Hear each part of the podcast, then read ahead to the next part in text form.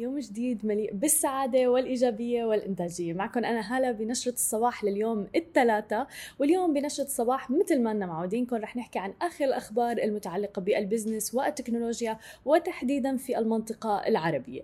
ورح نحكي أكيد وأول خبر معنا اليوم رح يكون عن فتح الحدود بين قطر والسعودية بعد الخلافات اللي دامت لفترة طويلة وكيف رح يكون تأثيره على الوضع الاقتصادي. بالإضافة إلى ذلك بدنا نحكي عن تسلا اللي كتير في ناس كانت عم تحكي إنه أسهم تسلا بتضخم كبير وإنه سهم تسلا كتير مرتفع ولكن رح نشارككم أرقام آه، قوية وخطيرة من شركة تسلا تحديدا بعام 2020 وبالختام أكيد نتطرق لموضوع البيتكوين اللي هو حديث العالم هذه الفترة بسبب ارتفاع الأسعار بشكل كبير ولكن آه، يوم أمس رجعت انخفض سعر البيتكوين. فأكيد خليكم معنا لتواكبوا كل هاي الأخبار أول بأول. بدنا نبدأ أخبارنا ونحكي عن المصالحة الخليجية. طبعا trending hashtag الآن على تويتر وعلى مواقع التواصل الاجتماعي الأخرى عن المصالحة القطرية السعودية وأيضا المصالحة الخليجية. يوم أمس ومساء أمس تحديدا الاثنين آه، أعلن وزير الخارجية الكويتي عن فتح الحدود البرية الجوية والبحرية بين السعودية وقطر.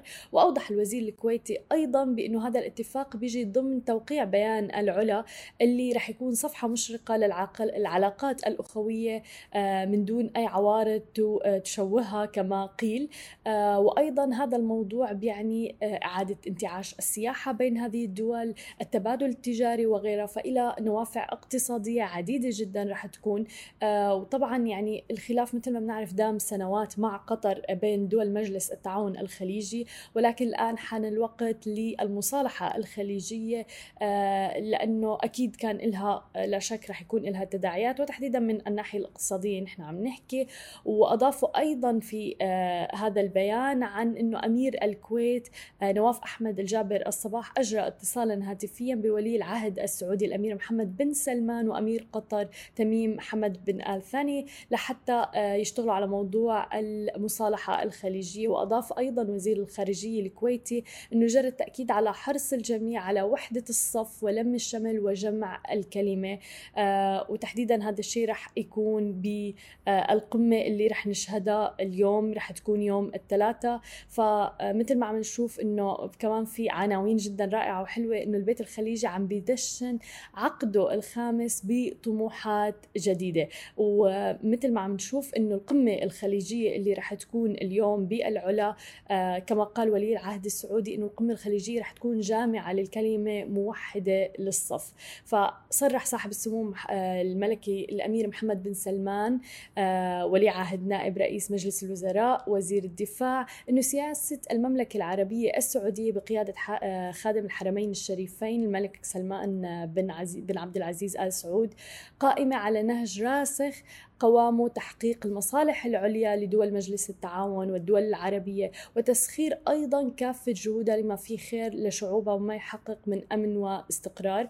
وأكد أيضا أنه هذه القمة آه، قمة مجلس التعاون لدول الخليج العربية رح تكون قمة جامعة للكلمة موحدة للصف ومعززة أيضا لمسيرة الخير والازدهار وستترجم من خلالها تطلعات أيضا خادم الحرمين الشريفين وأخوان وقادة دول مجلس التعاون الخليجي في لم الشمل والتضامن في مواجهة التحديات اللي عم تشهدها المنطقة وتحديدا التحديات اللي عم نشوفها بفترة كورونا اللي يعني زادت من تداعيات الاقتصادية آه وفعلا تضرر الاقتصاد حول العالم مثل ما شفنا. أيضا حاب أشارككم تغريدة الدكتور أنور الدكتور أنور قرقاش آه أنه نحن أمام قمة تاريخية بامتياز في العلا. نعيد من خلالها اللحمة الخليجية ونحرص عبرها أن يكون أمن واستقرار وازدهار دولنا وشعوبنا الأولوية الأولى. أمامنا المزيد من العمل ونحن في الاتجاه الصحيح. آه فعلا التغريدات كلها تقريبا إيجابية وعلى نحو إيجابي آه، بسبب هذا الخبر اللي هو المصالحة الخليجية اللي رح يكون فعلا آه، لها آه، تأثير اقتصادي رح يكون واضح جدا من ناحية السياحية من ناحية التبادل التجاري وغيرها طبعا من الأمور والاتفاقيات اللي بتتم بين دول مجلس التعاون الخليجي. عالم التكنولوجيا وتحديدا خلونا نحكي عن شركة تسلا اللي بطريقة نحو التريليون رغم كل التوقعات بأنه السهم تسلا سهم متضخم جدا إلا أنه عم بيواصل الصعود وكل بارتفاع. قيمة تسلا السوقية الآن وصلت إلى 692 مليار دولار وتوقعت تسلا إنتاج 500 ألف سيارة ب 2020 وفعلا حققت هذا الشيء. يعني تسلا نجحت بشحن نصف مليون سيارة خلال عام 2020 عام 2020 اللي كان مليء بالتحديات وتحديدا في صناعة السيارات لأنه أيضا قطاع السيارات كان من القطاعات المتضررة بفترة كورونا مع تقييد الحركة وغيرها. حققت شركة تسلا هدفها المرجو بإنتاج 500 ألف سيارة وتسليم سيارات كهربائية بعام 2020 آه، بل أكثر من 500 ألف. وصلت تقريبا تسلا بتصنيع 509 آه، ألف سيارة وسلمت منهم 499 ألف تقريبا وبلغت 99.91% من إجمالي هدف التسليم. آه، ولكن كإنتاج فأنتجت أكثر من العدد اللي كانت حاطته اللي هو ال 500 ألف.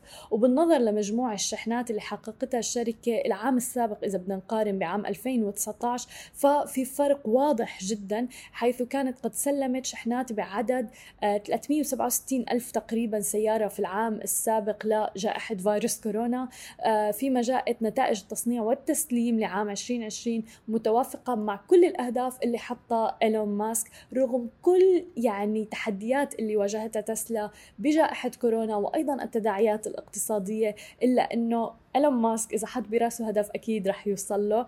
آه كانت غالبية سيارات تسلا اللي تم آه إنتاجها من الطرازات معقولة السعر وهذا كان اللافت بالموضوع. كان أكثر شيء موديل 3 و Model Y آه مثل ما عم نشوف. وإذا بتتذكروا كمان غطينا ب Smashi TV اللي هو إنه السيارات الأعلى بالسعر ما في عليها طلب كتير كتير كبير مثل Model S و Model X مثلا.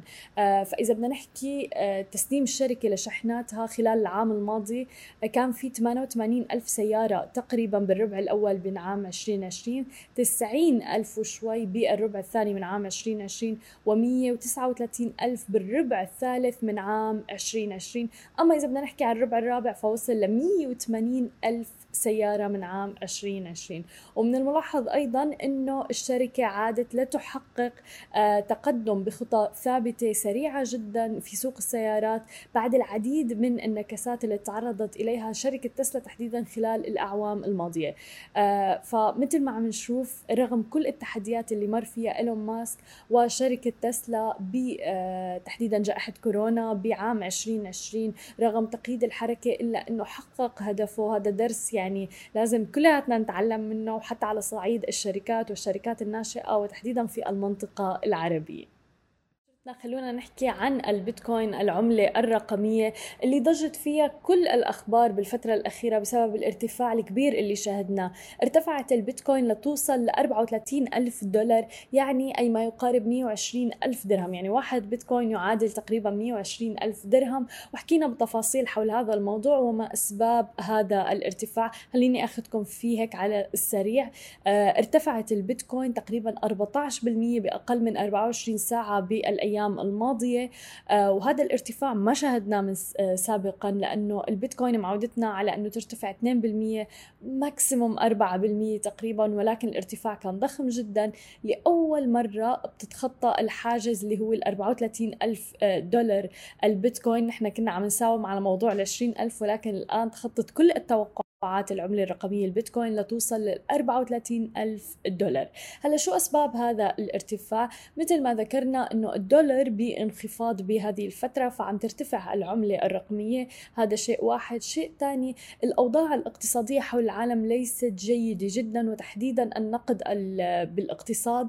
لذلك عم نشوف أنه التوجهات للعملات النقدية الديجيتال أو الرقمية آه، العملات الرقمية عليها طلب طلب كتير فبالتالي عم ترتفع أسعارها آه، أيضا صارت موضوع التداول بالعملات الرقمية شيء آه، يعني جدا عليه طلب. لذلك ليس فقط عملة البيتكوين العملات الأخرى مثل الإثيريوم وغيرها. لذلك عم ترتفع الأسعار بشكل عام بسوق العملات الرقمية. وأيضا من أحد الأسباب هو ندرة عملة البيتكوين. يعني عملة البيتكوين في منها 21 مليون تم التداول منها 18 مليون فبالتالي هي على وشك إنها تنفذ يعني. فلذلك عم ترتفع أسعارها بشكل كبير جدا. حاليا حاليا حاليا يعني بهذه اللحظة البيتكوين وصل ل 30 ألف دولار تقريبا 30 ألف 545 آه، دولار. ولكن بالأيام الماضية القليلة انخفض أيضا البيتكوين بشكل كبير جدا. هبطت 14% شفنا مثل ما حكينا إنه ارتفعت 14% ولكن أيضا هبطت 14% لتوصل ل 27850 دولار. آه تحديدا هذا الحكي يوم أمس الاثنين. آه في انخفاض بعد مكاسب كبيرة ما شفناها ابدا بعالم البيتكوين والعملات الرقمية وكانت أكثر العملات المشفرة رواجا في العالم قفزت إلى أكثر من 30 ألف. ومثل ما شفنا إنه البيتكوين بفترة آه بالفترة الأخيرة ارتفعت حوالي 300 على مدى العام الماضي كله يعني بمرحلة معينة بشهر ثلاثة البيتكوين وصلت ل 3000 دولار فقط آه ولكن الآن آه تخطت حاجة حاجز ال 34 ألف دولار والآن حاليا بهذه اللحظة البيتكوين تعادل 30 ألف دولار. هلأ إذا بدنا نحكي بالمحللين شو قالوا بالعملات الرقمية من المتوقع أنها تستمر بالارتفاع وتتخطى حاجز ال 40 ألف أيضا وفي ناس عم بتقول بعام 2021 رح تتخطى حاجز ال ألف أيضا. في ناس كتير كانت عم تسأل هل it's too late هل فعلا مضى الوقت على إنه الواحد يستثمر في العملات الرقمية والبيتكوين؟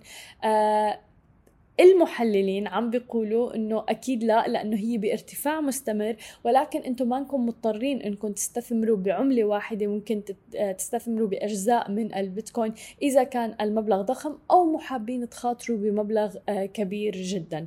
ولكن آه، المستقبل هو العملات الرقمية لأنه نحن رح نوصل لمرحلة اللي هو الكاشلس. آه، طبعا هذا كله من آراء المحللين ولكن أيضا من المتوقع إنه ترجع تنزل تنزل البيتكوين وتستقر عند سعر معين وما تستمر بهالارتفاع الضخم اللي عم نشوفه والسريع اللي عم نشوفه بالفترة الأخيرة. كل أخبارنا الصباحية لليوم ما تنسوا تتابعونا على كل مواقع التواصل الاجتماعي الخاصة ب Smashi TV. تسمعوا البودكاست تبعنا وتنزلوا ال application نهاركم سعيد ورح يكون اليوم معنا مقابلة مع startup من عمان تحديدا. بدنا نحكي عن كيف تخطوا تداعيات كورونا تحديدا إنه هذه الشركة كانت تعمل في قطاع السياحة. خلينا نعرف منهم كل الأسرار وكل أسباب النجاح أيضا. نهاركم سعيد.